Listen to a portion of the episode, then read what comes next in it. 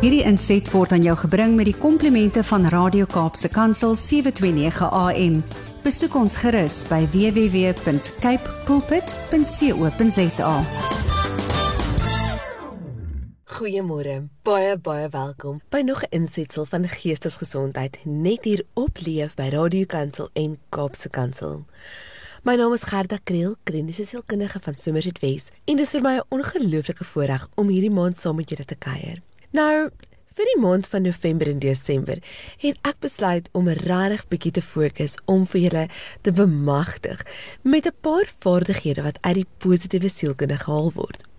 Jy sien sielkunde kan so dikwels 'n baie moeilike of 'n swaar onderwerp wees, maar tog is daar soveel van dit wat ons kan leer en wat ons kan vat en toepas op ons lewens wat werklik positief is.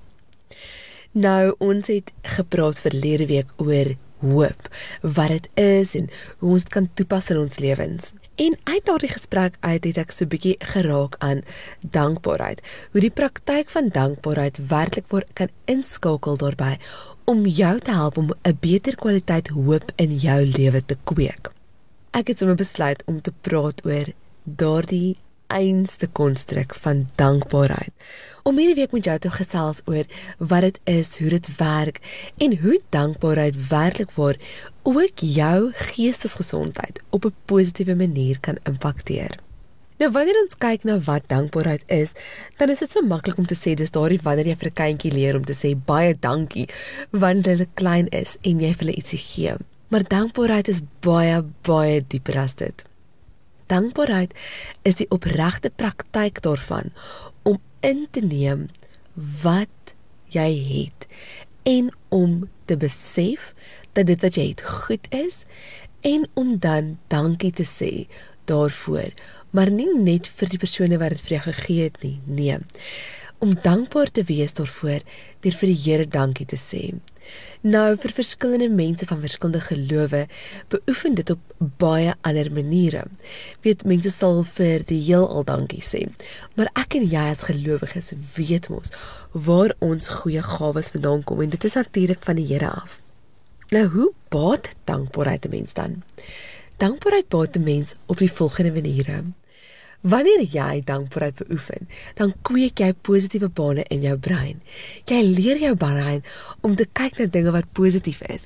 Jy leer jou brein om te kyk na goed wat goed is. En op so 'n manier vorm jy neurale bane in jou brein wat jou help om meer positiewe dinge raak te sien. Jy sien dankbaarheid kweek ook die vermoë om te sien in jou lewe wat goed is en wat goed werk in jou lewe. Ons samelewing vandag is egter saamgestel om ons te laat sien wat ons nie het nie. sien, die hele samelewing en die hele sosiale media dryf ons om te kyk na alles wat ons nie is nie en wat ons nie het nie. Jy het nie 'n baie fancy kar nie, jy het nie 'n enorme huis nie.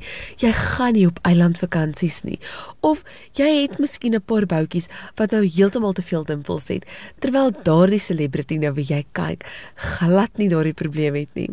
Jy sien, as jy die hele tyd jouself vergelyk en jy is die hele tyd besig om ondankbaarheid te kweek, dan gaan jou brein later net meer en meer fokus op dit wat jy nie het nie. En jy gaan later 'n negatiewe disposisie kweek. En 'n negatiewe disposisie is een wat regtig kyk na die lewe en fokus op probleme en fokus op alles wat sleg is. Ek wil jou nou vandag vra om net vir 'n oombliekie te dink aan die mees positiewe mens wat jy ken. Vat jou gedagtes na daardie persoon toe in wie se geselskap jy altyd graag wil wees. Nou navorsers sê vir ons dat mense wat regtig aangenaam is om rondom te wees, mense is wat dikwels dankbaarheid beoefen. En hulle beoefen dit nie net op 'n manier om altyd te sê dankie nie, nee, hulle is wel mense wat baie maklik baie dankie sal sê, maar dankbare mense is mense wat opgewonde is al het hulle min. Ek gaan dit weer sê. Dis mense wat opgewonde is al het hulle min. Want jy sien jy hoef nie baie te hê om dankbaar te wees nie. Nee, jy het net nodig om opreg raak te sien wat die goeie goed in jou lewe is. Hoe beoefen ons dankbaarheid op 'n manier wat volhoubaar is en op 'n manier wat regtig vir ons positief impakteer? Die eerste sleutel is om regtig bewustelik te wees. As jy bewustelik raak en bewustelik leef van dit wat jy in jou lewe het, elke klein dingetjie, die dak oor jou kop, die kos oor jou tafel, jou kinders, jou man wat gesond is, jou tuin wat groen is, jou blomme wat blom, dan kan jy nie anders as om te begin opgewonde raak daaroor nie. Bewustelik leef is om in die teenwoordige oomblik te wees.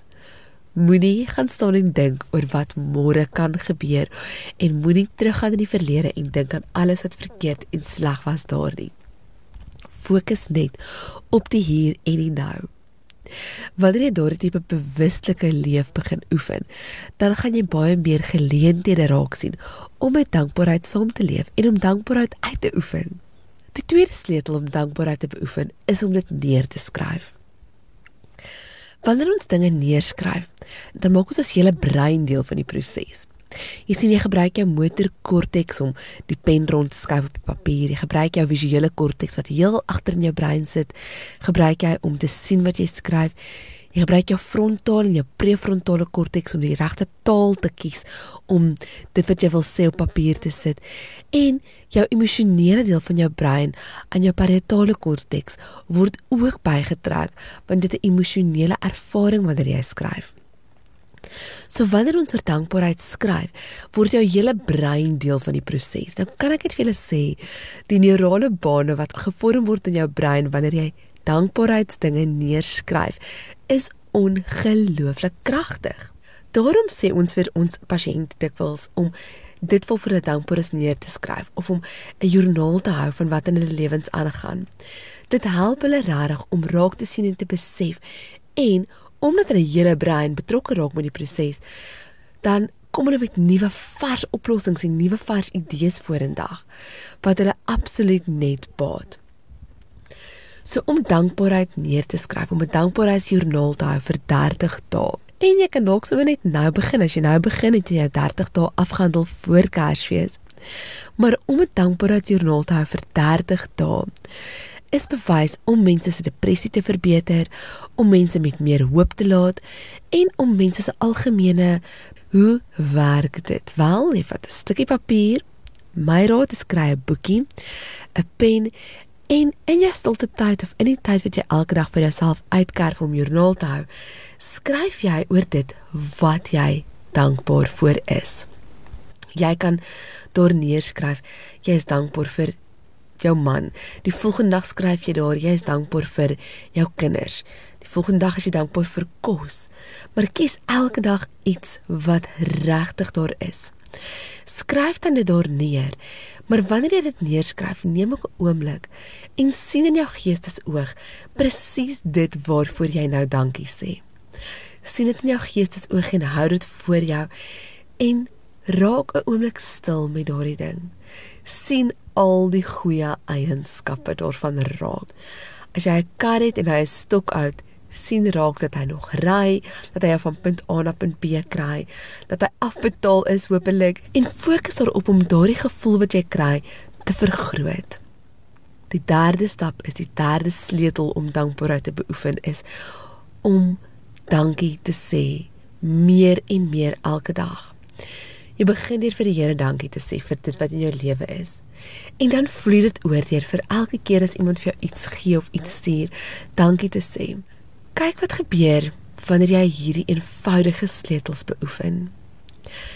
Jy sien dit lyk dalk nie na veel nie, dit lyk dalk na baie eenvoudige praktyk en omdat dit so bitter eenvoudig is, is mense geneig om te dink dit gaan niks doen nie.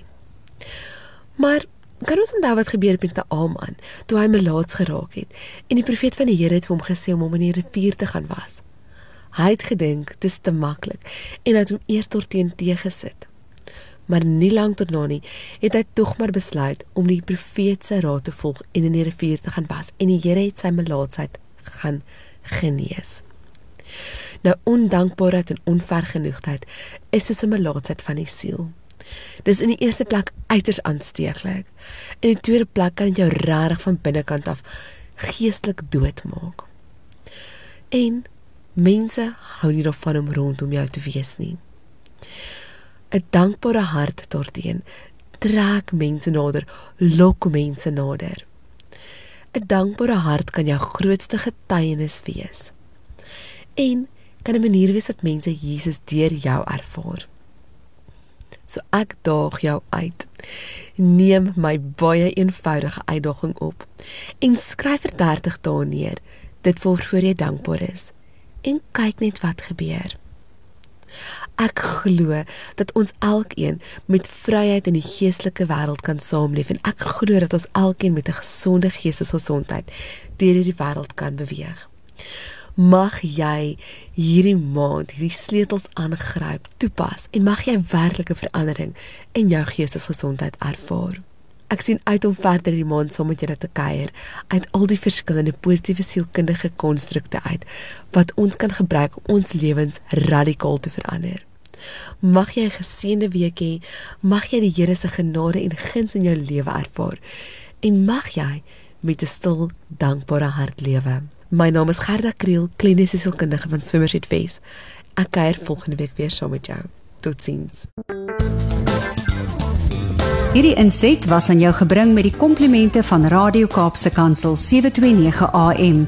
Besoek ons gerus by www.cape pulpit.co.za.